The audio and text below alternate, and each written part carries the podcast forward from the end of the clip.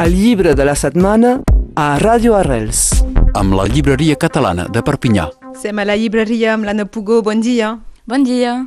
Avui ens recomanes un llibre d'autoajuda, es pot anomenar o, o no ben bé? Uh, autoajuda per la societat seria més aviat.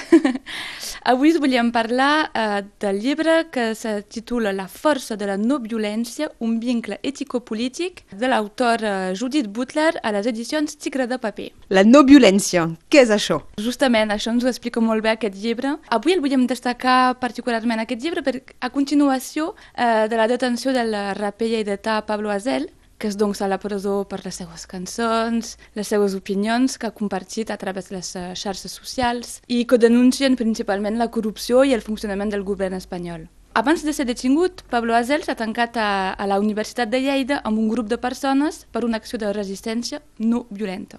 Doncs aquest és un exemple, entre molts altres, de formes de protesta no violenta. I aquest llibre que us proposem avui ens permet reflexionar sobre què és la no violència, quins són els límits de la violència i ens dona pistes per encaminar-nos cap a la no violència en les lluites polítiques. Un altre exemple podria ser la, les votacions de l'1 d'octubre del, del 2017, la, la gent que sense violència resistia al fet que la policia vingui a buscar les urnes. Això és clar que a, a Catalunya tenim molts exemples d'accions de, de resistència no violenta amb tot el, el procés català. Uh, L'autora, la Judith Butler, és uh, una filòsofa originària dels Estats Units. Primer és especialitzada en els estudis de gènere, però també de la política i dels drets humans. En aquest llibre, l'autora ens mostra com la no violència, segons ella, és lligada amb la igualtat social. Segons ella, sense igualtat social hi ha violència en les societats. I també ens mostra com les nostres societats han de rebutjar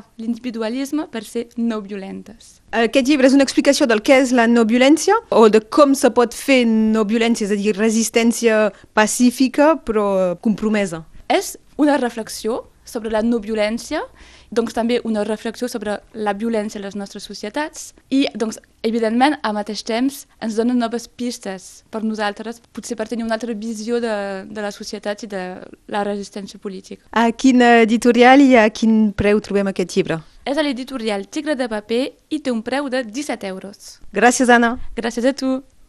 El llibre de la setmana a Ràdio Arrels. amb la llibreria catalana de Perpinyà.